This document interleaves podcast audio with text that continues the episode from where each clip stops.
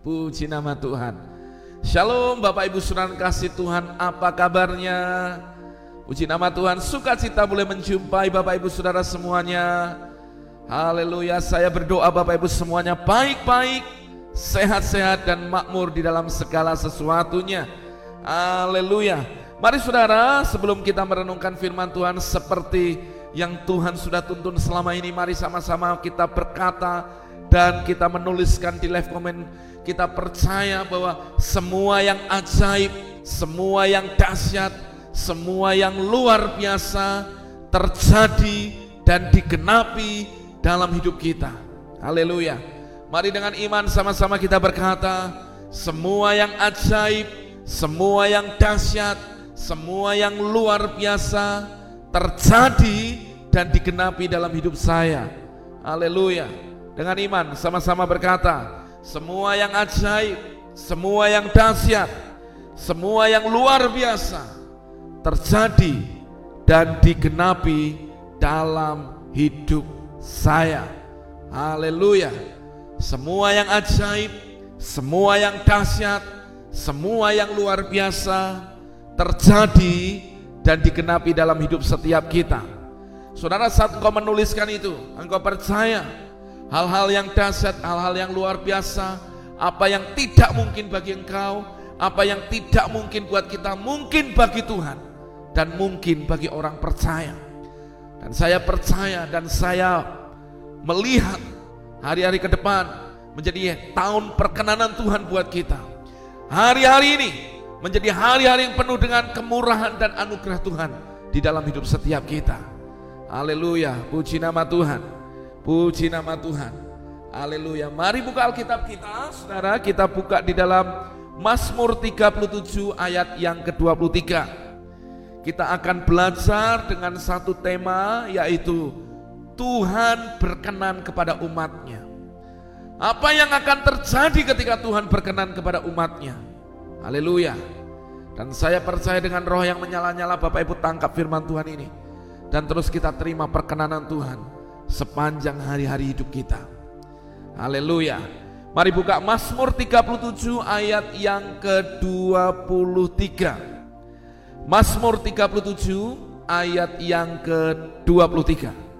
Perhatikan firman Tuhan, renungkan firman Tuhan, firmannya pelita dan yang terang bagi jalan kita.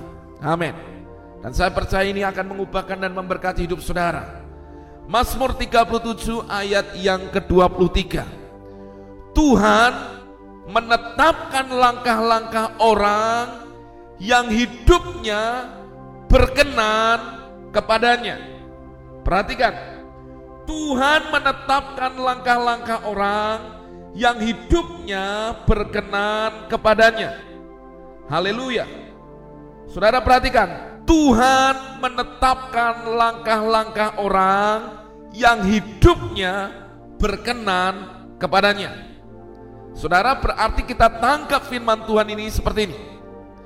Waktu Tuhan berkenan kepada umatnya, sesungguhnya jalan-jalan hidup orang yang dikenan Tuhan ini sudah ditetapkan Tuhan. Sudah ditetapkan dan Tuhan membawa orang yang dikenannya ini selalu pada janji dan penggenapan firman-Nya. Sekali lagi, ketika Tuhan berkenan dengan jalan seseorang, maka Tuhan akan menetapkan jalan hidupnya. Dan Tuhan akan membawa orang yang demikian ini kepada penggenapan janji Tuhan di dalam hidup orang itu. Nah saudara, jadi sadarilah seperti ini.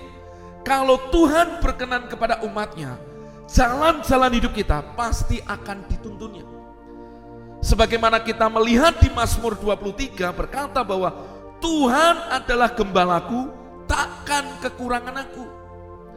Berarti saudara, hal yang pertama yang akan kita terima saat Tuhan berkenan kepada jalan hidup seseorang, kepada umatnya, maka Tuhan akan menetapkan jalan-jalannya, di mana jalan-jalan itu membuat umatnya ada dalam yang namanya kelimpahan dan anugerah Tuhan. Katakan amin. Katakan haleluya. Tuhan adalah gembalaku.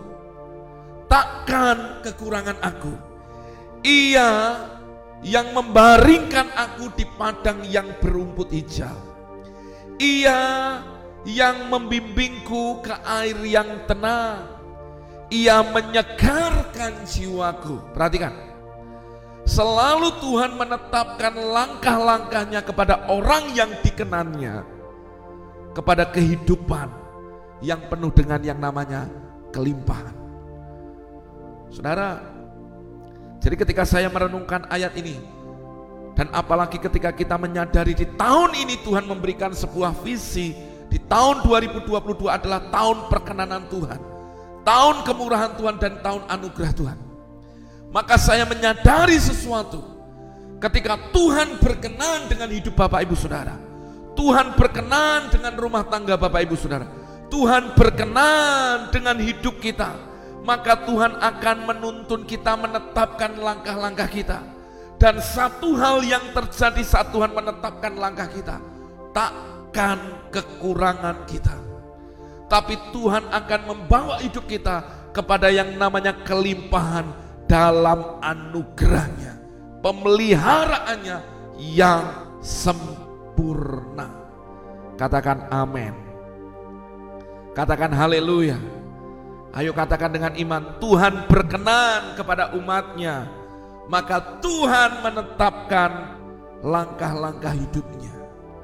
Ayo tuliskan di live comment saudara. Poin pertama, Tuhan berkenan kepada umatnya, maka Tuhan akan menetapkan langkah-langkah hidupnya.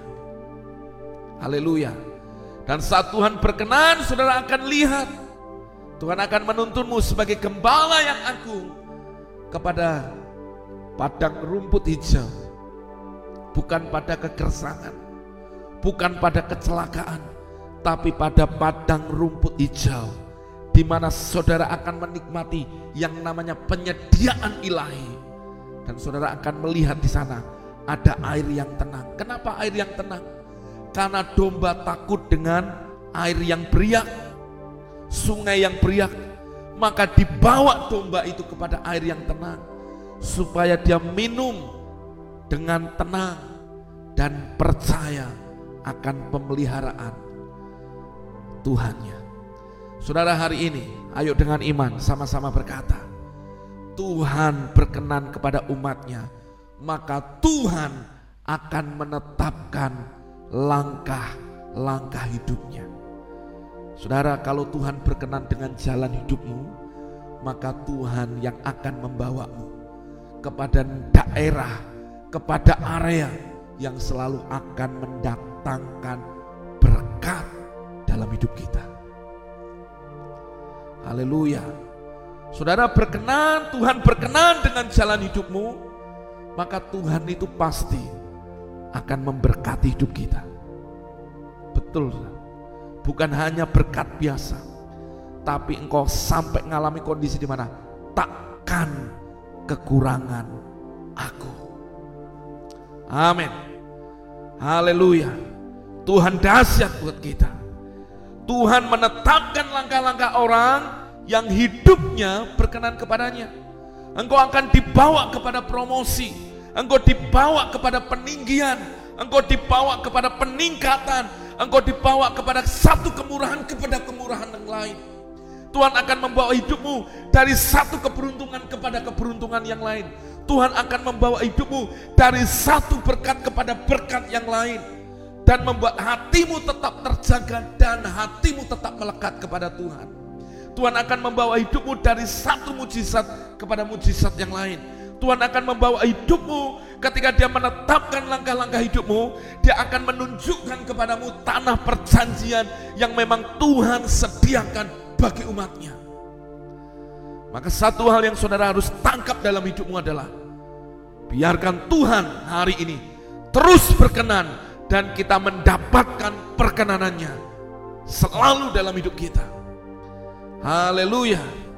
Haleluya. Puji nama Tuhan. Kalau Tuhan berkenan dalam jalan hidupmu, maka Tuhan yang akan menetapkan langkah-langkahmu ke depan, ke depan. Karir anak-anakmu, karir pekerjaanmu. Engkau akan dibawa kepada keberuntungan demi keberuntungan. yang membuat hidupmu sampai mengalami dengan limpah berkat dan anugerahnya. Ya, hati kita semakin melekat kepada Tuhan. Amin, saudara. Mazmur 37 ayat yang ke-24, ayat selanjutnya dikatakan. Apabila ia jatuh tidaklah sampai tergeletak, sebab Tuhan menopang tangannya. Ini berkat yang luar biasa yang Tuhan nyatakan kepada umatnya yang dikenannya. Saudara ketika Tuhan berkenan kepada jalan hidup umatnya, perhatikan, yang kedua berkat yang kita terima. Saudara ada banyak hal yang bisa membuat kita terpleset, jatuh dan tersandung. Tapi toh kalau kita terpleset, jatuh dan tersandung, dengarkan gini, tidak sampai tergeletak. Artinya, Tuhan tidak akan pernah membiarkan engkau sampai jatuh rebah dan tidak bisa bangun lagi. Dengarkan ini. Tuhan berkenan dengan jalan hidupmu. Tuhan tidak akan pernah biarkan engkau jatuh, tergeletak, mati, tidak bisa bangun lagi, rebah dan tidak ada harapan lagi. Tapi Tuhan akan mengangkat menopang hidupmu dengan kekuatannya yang ilahi membuat engkau melihat anugerahnya yang akan mengangkatmu balik, membuatmu tetap berdiri dan melihat anugerah Tuhan yang dahsyat dalam hidupmu. Katakan amin. Saudara, kalau Tuhan berkenan dengan karirmu, dengan pekerjaanmu, orang mau mereka-rekakan yang jahat dengan hidupmu, dengan cara bisnis yang kotor, Dengarkan ini saudara. Tetap Tuhan yang akan membuatmu berdiri kokoh. Engkau tetap akan tidak akan mengalami sampai tergeletak dan tidak ada harapan. Ketika saya merenungkan firman Tuhan ini saudara, saya terlalu yakin orang-orang yang mereka mengandalkan Tuhan adalah orang-orang yang tetap diberkati sekalipun hidupnya mungkin bisa aja ada di dalam lembah. Saya mau mengajak kita semua hari ini. Ayo sadarkan dalam hatimu. Kalau Tuhan berkenan dengan jalanku, aku tidak mungkin jatuh sampai tergeletak. Karena tangan Tuhan menopang hidupnya. Tangan Tuhan menopang hidup kita Tangan Tuhan memberkati setiap kita. Tangan Tuhan yang dinyatakan untuk menopang hidup umatnya yang percaya. Katakan amin. Saudara saya diberkati dengan ayat ini. Begitu pedulinya Tuhan dengan hidup kita, maka Tuhan tidak biarkan engkau sampai jatuh tergeletak. Sebab Tuhan akan tetap membuatmu kokoh dan berdiri. Maka firman Tuhan yang lain berkata, sumbu yang pudar nyalanya tidak dipadamkan. Buluh yang sudah terkulai tidak akan diputuskan, tidak akan saudara dibiarkan sampai rebah, tapi justru akan dikokohkan. Ada tangan Tuhan yang tidak terlihat, yang sebenarnya menopang umat yang dikenannya. Saudara, engkau hari ini mungkin bergumul. Engkau hari ini mungkin mengalami cobaan, ujian, tantangan dalam hidup. Tapi saya mau berkata hari ini dalam anugerah Tuhan. Sebenarnya ada tangan Tuhan itu yang tetap menopang hidupmu.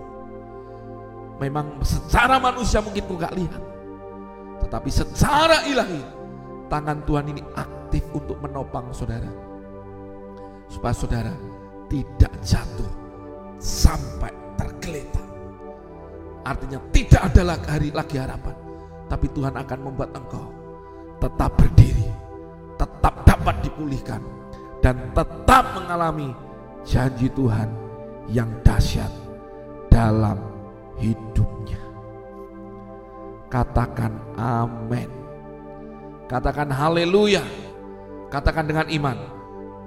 Aku dikenan Tuhan. Tuhan menopang hidupku. Ayo. Ayo tuliskan di live komen berkata, ada tangan Tuhan yang menopang hidupku supaya aku tidak jatuh. Katakan amin. Ada tangan Tuhan yang menopangku agar aku tidak jatuh. Ya, itu yang membuat saudara tetap berdiri, tetap kuat di dalam Dia. Yes, amin. Orang-orang yang sakit hari ini tanpa kau sadari sebenarnya ada tangan Tuhan yang membebat, yang menguatkan saudara. Saudara hanya bingung dengan masalah pergumulan hidupmu, sebenarnya ada tangan Tuhan yang menopang saudara yang membuat engkau bisa menghadapi setiap masalah dan pergumulanmu. Seperti ketika Daud berani menghadapi Goliat sampai akhirnya Goliat ditaklukkan dan Daud mengalami kemenangan. Sama. Tuhan tidak biarkan hidupmu sampai jatuh tergeletak. Tapi tangannya tetap menopang saudara. Mengangkat hidup saudara. Rumah tangga anak-anak saudara. Jadi hari ini saudara percayai. Ketika engkau hadirkan Tuhan dalam rumah tanggamu. Engkau hadirkan Tuhan di dalam keluargamu masing-masing. Engkau menyembah Tuhan di sana, engkau sungguh-sungguh mencari Tuhan. Dengarkan ini. Dan ketika Tuhan berkenan atas rumah tangga keluarga seorang, maka ada tangan Tuhan yang tidak terlihat yang sedang menopang rumah tangga-rumah tangga anak-anak cucu kita. Dan dengarkan ini, tidak ada kata perceraian di sana. Keluarga-keluarga akan diberkati maksimal dan mereka akan melihat memang semua karena anugerah Tuhan. Amin. Maka saya mau berkata hari ini, Engkau yang merasa hari ini lemah, engkau yang merasa hari ini Pak kelihatannya semua meninggalkan saya. Dengar, ada tangan Tuhan yang tak terlihat yang sedang menopang hidupmu dan aktif menguatkan engkau. Di masa tuamu, di masa sendirimu, di masa engkau sepertinya mengalami kondisi tidak ada orang yang mempedulikan, sebenarnya ada tangan Tuhan yang menopang saudara supaya saudara tetap kokoh berdiri dan tetap mengalami pemulihan daripada Tuhan. Amin. Jadi hari ini pegang tangan Tuhan menopang hidup saya. Haleluya. Haleluya. Puji nama Tuhan. Saudara ayat yang ke-25 dikatakan seperti ini. Dahulu aku muda, sekarang telah menjadi tua. Berarti ini ditulis oleh pemazmur, oleh Daud dia menyadari ketika dia masih muda dia melihat pertolongan perkenanan Tuhan dalam hidupnya. Dari sejak dia muda, sejak dia menggembalakan kambing domba, Tuhan menunjukkan kasih setia dan perkenanannya kepadanya. Dari seorang penggembala kambing domba, Tuhan angkat menjadi seorang raja. Tuhan mengokohkan kerajaannya dan memberkati Daud dengan limpahnya. Maka dia menuliskan ini. Dahulu aku menjadi muda dan sekarang telah tua. Perhatikan. Berarti ada rentang waktu yang dialami oleh pemazmur ini. Lalu dikatakan, tetapi tidak pernah kulihat orang benar ditinggalkan atau anak cucunya meminta-minta roti. Perhatikan ini saudara. Saudara mau lihat bagaimana ketika Tuhan berkenan kepada umatnya. Perhatikan ini. Daud membuktikannya dari sejak muda sampai sekarang ketika dia menuliskan itu. Dia sudah tua. Perhatikan. Dia melihat bahwa orang benar tidak pernah ditinggalkan. Perhatikan. Daud menuliskan ini di masa tuanya orang benar, orang yang dikenannya tidak pernah ditinggalkan. Jadi saudara kalau Tuhan berkenan dengan jalan hidupmu, saudara terima ini berkat ini. Tuhan selalu menyertai engkau, selalu berjalan di depanmu, dia menuntun langkahmu, dia tidak membiarkanmu dan tidak meninggalkan hidupmu. Terima berkat ini. Ketika tangan Tuhan, Tuhan berkenan kepada umatnya. Berkat yang terjadi adalah Tuhan tidak pernah membiarkan, tidak pernah meninggalkan umat yang dikenannya. Amin. Haleluya. Saudara, ini luar biasa. Kalau kita ingin lihat bagaimana hidup kita terus mengalami semua janji Tuhan, biarkan hari ini terima perkenanan Tuhan, hidup semakin menyenangkan hati Tuhan. Dan dilihat dikatakan pemazmur ini, atau anak cucunya meminta-minta roti. Artinya apa? Kalau Tuhan berkenan dengan umatnya, bahkan keturunannya pun diberkati Tuhan. Bukankah Bapak Ibu yang sudah jadi oma, yang punya anak cucu, pasti merindukan supaya anak cucu kita, generasi keturunan kita, semua menjadi orang-orang yang diberkati Tuhan. Ternyata untuk melihat bagaimana anak cucunya tidak meminta-minta, artinya anak cucunya diberkati Tuhan, adalah dengan menerima perkenanan Tuhan dalam hidup kita. Haleluya. Saudara perhatikan ini. Kalau selama ini kau berdoa buat anak-anakmu, cucu-cucumu supaya mereka diberkati. Ternyata warisan yang saudara harus bagikan kepada mereka bukan jasmani dulu. Tapi warisan iman yaitu mereka harus menjadi umat yang diperkenan Tuhan. Mereka harus menjadi umat yang mencari Tuhan. Mereka harus menjadi umat, mereka harus menjadi pribadi yang mengandalkan Tuhan. Saudara, dengar ini. Keseriusan Bapak Ibu mencari Tuhan, mengandalkan Tuhan, berdoa, menyembah Tuhan, dan engkau mempercayai Tuhan itu mendatangkan perkenanan dalam hidup Bapak Ibu Saudara. Dan dengar, itu berdampak buat anak cucu kita. Betul. Maka Daud menuliskan anak cucunya tidak akan meminta-minta roti kepada orang yang dikenannya. Artinya apa? Anak cucunya dijamin hidupnya. Karena ikat janji yang Tuhan nyatakan kepada nenek moyangnya. Saudara, maka ketika saya lihat ini, saudara, penting buat kita. Saudara, jangan sampai Bapak Ibu berdoa mati-matian, saudara berdoa sungguh-sungguh, saudara hari ini menyembah Tuhan sungguh-sungguh, tapi engkau biarkan anakmu nggak ngalami Tuhan. Engkau harus bawa anak-anakmu untuk mereka juga sama punya iman yang sama. Mereka harus cari Tuhan sampai perkenanan Tuhan itu turun dalam hidup mereka dan membuat mereka juga percaya kepada Tuhan, mengandalkan Tuhan. Sehingga dari generasi kepada generasi kita melihat anak cucu orang benar diberkati Tuhan. Amin, Saudara. Saya mau tanya jujur dalam hidup Saudara. Saudara mau lihat anak cucu kita diberkati Tuhan?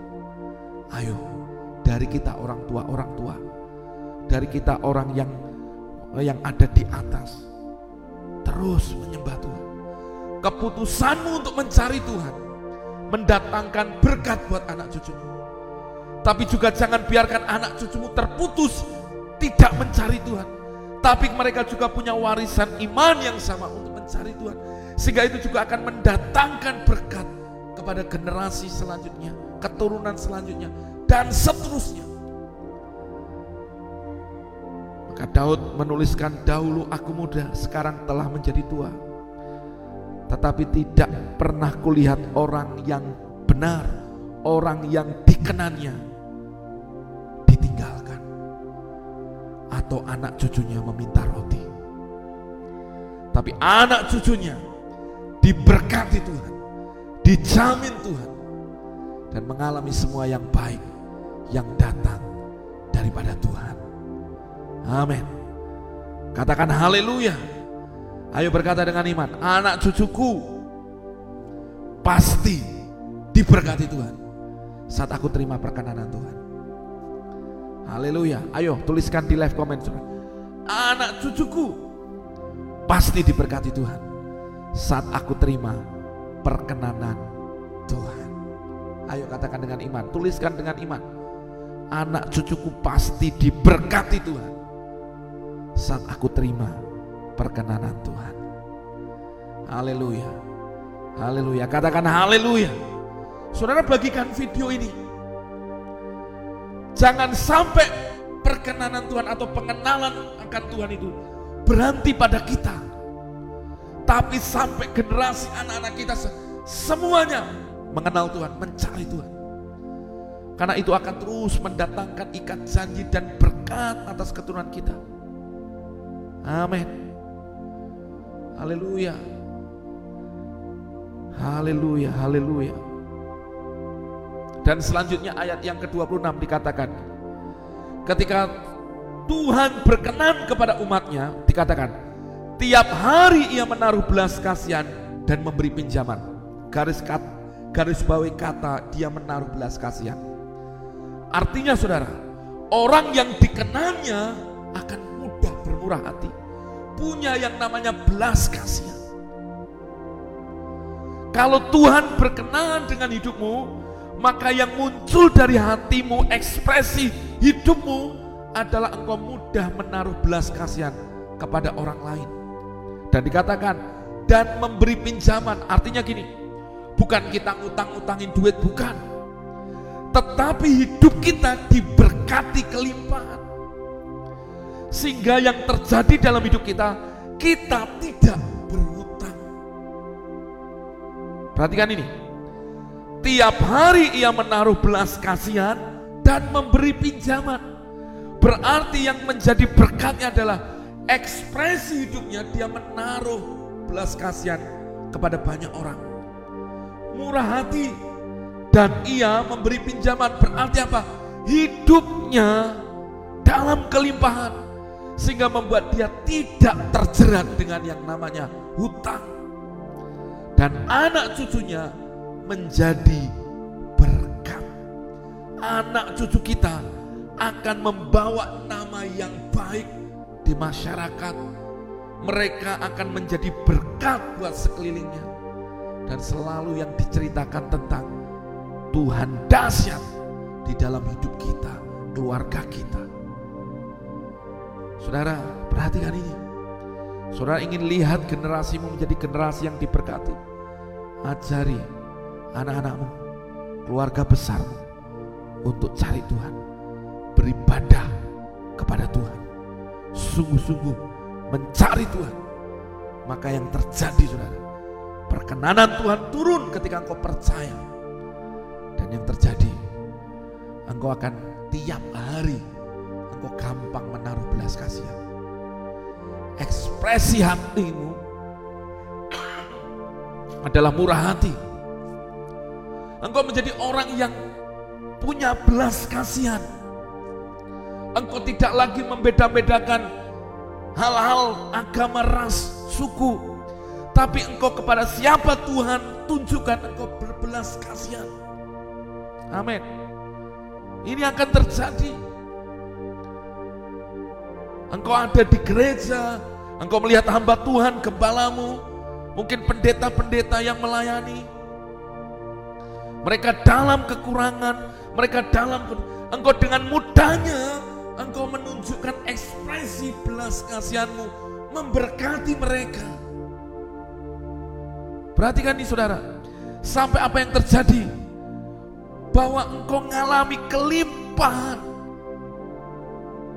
dan dikatakan anak cucumu menjadi berkat.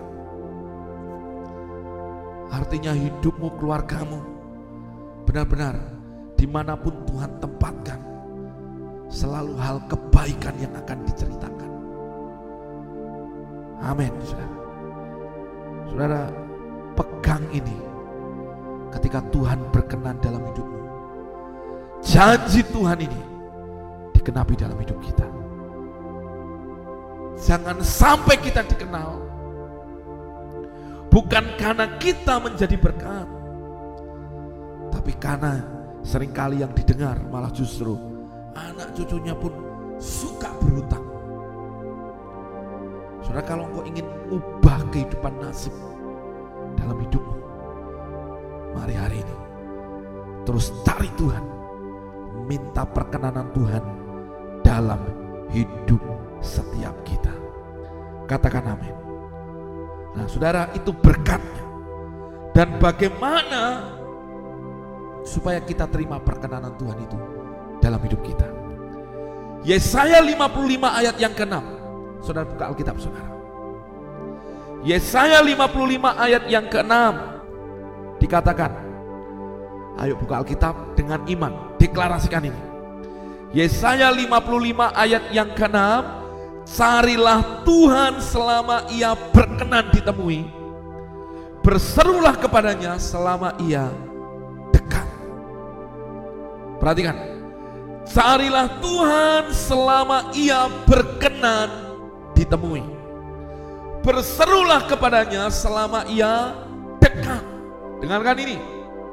Ada dua kata kerja aktif yang harus terjadi dalam hidup kita. Cari Tuhan. Yang kedua, berserulah. Perkenanan Tuhan itu turun dalam hidup kita saat ada umatnya yang mencari dia. Kata mencari itu, dia itu membutuhkan apa nih? Punya yang namanya rasa ketergantungan tanpa Tuhan saya nggak bisa apa-apa. Kalau saya nggak cari Tuhan, saya nggak ketemu Tuhan, saya nggak mengandalkan Tuhan, aku nggak bisa apa-apa. Siapa aku ini? Dia menyadari kebenaran ini. Maka dia mencari Tuhan, dia berdoa, dia menyembah Tuhan, dia beribadah, dia sungguh-sungguh di kamar doanya, dia punya yang namanya relasi dengan Tuhan. Saudara, orang yang seperti ini, saya percaya perkenanan Tuhan pasti turun dalam hidupnya. Dan Tuhan berkata, carilah Tuhan selama ia berkenan ditemui. Kapan waktu Tuhan berkenan ditemui? Hari ini, waktu-waktu ini. Ketika anugerah Tuhan dinyatakan dahsyat dalam hidup kita. Maka ketika engkau mendengar suaranya, jangan keraskan hati kita. Sudah sampaikan ini. Beritakan ini. Selama masih nafas berembus, jantung masih berdetak, kehidupan masih kita miliki, mari cari Tuhan selama ia berkenan ditemui. Waktu ini, perkenanan Tuhan turun dalam hidupmu. Dan berserulah kepadanya selama ia dekat. Ketika kemurahan Tuhan tersedia dalam hidupmu. Berserulah. Berharaplah. Berteriaklah kepada Tuhan. Tuhan yang akan memulihkan hidup kita. Ketergantungan kita dengan Tuhan inilah berarti kita mengizinkan mengandalkan Tuhan satu-satunya. Maka ada pujian berkata satu-satunya yang kuandalkan, satu-satunya yang ku percaya. Maka ketika engkau mengandalkan dia, engkau akan terus cari perkenanannya. Engkau akan terus berseru kepadanya tanpa henti sampai semua berkat tadi yang saya sudah sampaikan dari Mazmur 37 itu terjadi dan digenapi dalam hidup kita. Ketika Tuhan berkenan kepada umatnya, saudara akan melihat itu. Ketika Tuhan berkenan, tangan Tuhan menopang hidup kita. Tangan Tuhan memberkati kita. Tidak dibiarkan engkau sampai satu tergeletak anak cucumu diberkati Tuhan. Engkau hidup dalam kelimpahan. Engkau akan punya yang namanya kemurahan hati, belas kasihan kepada sesama. Dan engkau akan menjadi berkat bagi banyak orang. Jadi pastikan hari ini, hatimu, hatiku, hati Bapak Ibu Saudara dan saya punya sebuah hasrat ketergantungan untuk berkata kepada Tuhan setiap hari, More of you Lord, lebih lagi Tuhan dalam hidup ini. Ketika ada orang yang seperti ini, saudara, itu seperti ada tudung perkenanan Tuhan yang terus ada di atas kepalanya, membuat dia mengalami semua yang dahsyat yang datang daripada Tuhan. Amin. Jangan keraskan hati kita. Saudara, ada banyak orang sudah jatuh bangun, tapi hatinya masih keras kalau kau ingin lihat perkenanan Tuhan hari ini, biarkan hari ini cari Tuhan sepenuh hatimu. Hadapkan pada Tuhan. Sampai perkenanan itu Tuhan itu turun. Dan sebagaimana janjinya engkau hadapkan. Tuhan akan genapi itu dalam hidup kita. Haleluya. Saudara saya terlalu percaya ketika saya sebagai orang tua, saya membangun hidup untuk takut akan Tuhan. Dan saya ajarkan kepada anak-anak saya untuk mereka hidup takut akan Tuhan, mencari Tuhan. Saya percaya hidup anak-anak saya pun ketika mereka dewasa menikah sampai mereka berkeluarga, nanti mereka memiliki anak mereka sampai juga mereka ada dalam jaminan Tuhan. Saya percaya itu terjadi. Dasarnya dari setiap kita harus punya ketergantungan pada Tuhan. Dia satu-satunya. Di luar Tuhan aku tidak bisa apa-apa. Maka itu akan membuat perkenanan Tuhan turun dalam hidupmu. Amin. Haleluya. Saya berdoa hari ini perkenanan Tuhan itu mengalir dalam hidupmu. Ketika engkau memutuskan aku dan seisi keluargaku, aku akan menyembah kepada Tuhan saja. Mencari Tuhan seumur hidupku, melayani Tuhan seumur hidupmu. Itu akan mendatangkan perkenanan Tuhan dalam hidupmu keluargamu. Ada perlindungan Tuhan di sana. Haleluya. Dan kau akan lihat ada tangan Tuhan yang besar yang sedang menopang keluarga besar kita. Dan saya berkata, amin terjadilah itu dalam hidup setiap kita. Haleluya. Jadi hari ini, ayo menjadi orang-orang yang mempercayai Tuhan. Yang menyandarkan hidupnya kepada Tuhan. Mencari Tuhan. Dan berseru kepada Tuhan. Haleluya. Haleluya.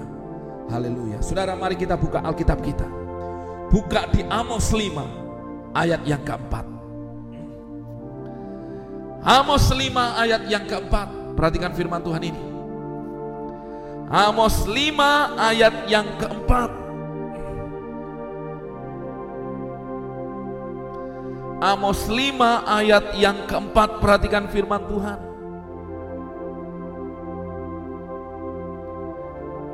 Sebab beginilah firman Tuhan kepada kaum Israel. Carilah aku, maka kamu hidup. Perhatikan ini. Carilah aku, kamu hidup. Saudara, kalau ada orang yang mencari Tuhan dengan sepenuh hatinya, bergantung pada Tuhan, hidupnya ada dalam kehidupan ilahi jaminan Tuhan. Keluarganya, anak-anaknya diberkati Tuhan. Maka ayat itu berlanjut dengan berkata gini, Janganlah kamu mencari ke Betel. Apa itu Betel? Saudara Betel itu di sana ada bait Allah. Kalau saya sebagai hamba Tuhan, Betel itu bisa jadi pelayanan saya. Jemaat yang banyak, gereja yang mungkin besar, itu menjadi andalan kita. Jangan cari ke sana. Jangan andalkan itu. Lalu jangan pergi ke Gilgal. Gilgal bisa jadi Gilgal adalah di mana tempat di mana Yosua menyunat orang-orang Israel. Gilgal berarti apa? Jiwa-jiwa. Kalau saya sebagai pendeta jemaat, semakin jemaatnya banyak, merasa bangga. Jangan bangga karena itu. Tetapi saudara, cari Tuhan. Haleluya. Jadi artinya apa saudara? Carilah Tuhan. Fokus hidup kita Tuhan. Bukan berkatnya. Maka ketika ada orang yang memutuskan cari Tuhan demikian. Perkenanan Tuhan itu turun. Dan membuat hidupnya berbeda. Malah berkat dicurahkan dengan limpahnya dalam hidup orang itu. Haleluya. Jadi ayo putuskan hari ini. Aku mau cari Tuhan. Haleluya. Untuk mencari Tuhan. Berseru kepada Tuhan. Dengan segenap hatiku. Kau cari Tuhan. Keluargamu hidup. Cari Tuhan. Kesehatanmu hidup. Engkau cari Tuhan. Masa depan anak cucumu hidup. Engkau cari Tuhan, pekerjaan pasti hidup dan diberkati. Engkau cari Tuhan, rumah tanggamu hidup. Engkau cari Tuhan, maka usaha apa yang dikerjakan tanganmu pasti hidup. Amin.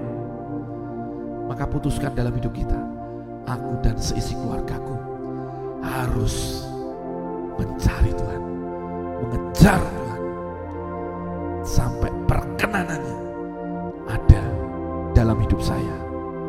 Katakan amin. Haleluya. Carilah Tuhan, kamu hidup. Saudara, ayat ini yang terus Tuhan ingatkan dalam hidup saya. Di tengah pelayanan yang semakin besar, di tengah saudara apa pun yang saya buat Tuhan buat berhasil, tetap Tuhan ingatkan cari Tuhan. Jangan kurangi waktu kita dengan Tuhan. Di tengah semua berkat yang mengalir melimpah, cari Tuhan. Sampai perkenanan Tuhan itu turun dan terus ada Saudara nanti lihat di Alkitab, ada beberapa orang yang sebenarnya dia berpikir bahwa roh Tuhan masih ada dalam hidupnya. Tapi kenyataannya roh Tuhan sudah meninggalkan dia. Siapa itu? Yang pertama itu Saul. Saul diangkat menjadi raja oleh karena Tuhan. Tapi pada ujungnya Saul tidak sungguh-sungguh mencari Tuhan. Tidak taat kepada Tuhan. Sampai akhirnya Tuhan menyingkirkan Saul. Dan roh Tuhan undur daripada Saul. Yang kedua adalah Simpson. Simpson adalah nasir Allah di hamba Tuhan. Dia punya kekuatan urapan ilahi yang membuat dia menjadi orang yang perkasa.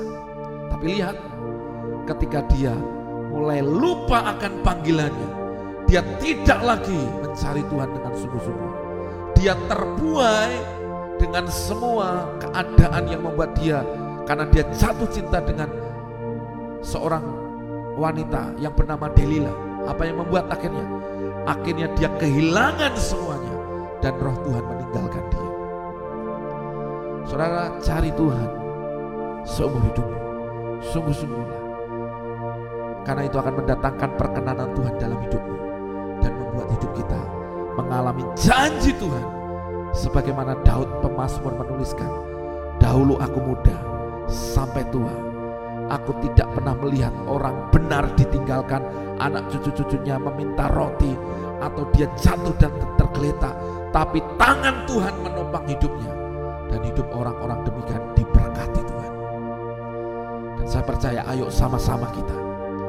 Kita mengejar perkenanan Tuhan dan terima terus perkenanan Tuhan dalam hidup kita. Sampai hidup kita mengalami semua yang baik, semua yang dijanjikan terjadi dan digenapi dalam hidup setiap kita. Tuhan Yesus memberkati.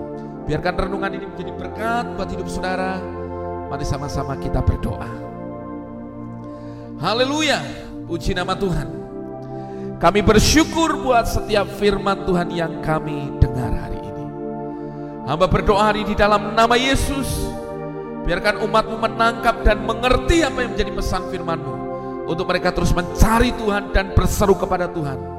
Selama Tuhan berkenan dan Tuhan dekat dengan mereka. Di waktu perkenanan ini. Sehingga apa yang menjadi janji Tuhan digenapi. Karena saat umatmu mereka menerima perkenanan Tuhan. Ada janji Tuhan yang dahsyat yang Tuhan genapkan dalam hidup mereka. Hamba berdoa hari ini Tuhan. Berkati umatmu di mana pun umatmu berada. Hamba berdoa di dalam nama Yesus. Hati yang lembut, hati yang rendah hati, hati yang mau menerima setiap kebenaran dan mau berubah. Turun atas hidup umatmu sehingga umatmu sepanjang tahun ini hari-hari mereka perlu penuh dengan damai sejahtera dan berkat Tuhan yang melimpah. Hamba berdoa di dalam nama Yesus kemurahan, kebaikan Tuhan kasih setia Tuhan terjadi dan dikenapi dalam hidupmu. Aku berdoa hari ini dalam nama Yesus terimalah berkat yang terbaik dari Allah Bapa cinta kasih daripada Tuhan Yesus dan persekutuan yang manis daripada Allah Roh Kudus menyertai memberkati kita semua. Dari hari ini sampai selama-lamanya. Yang terima berkat Tuhan dengan iman, sama-sama kita berkata, Amin. Amin. Amin.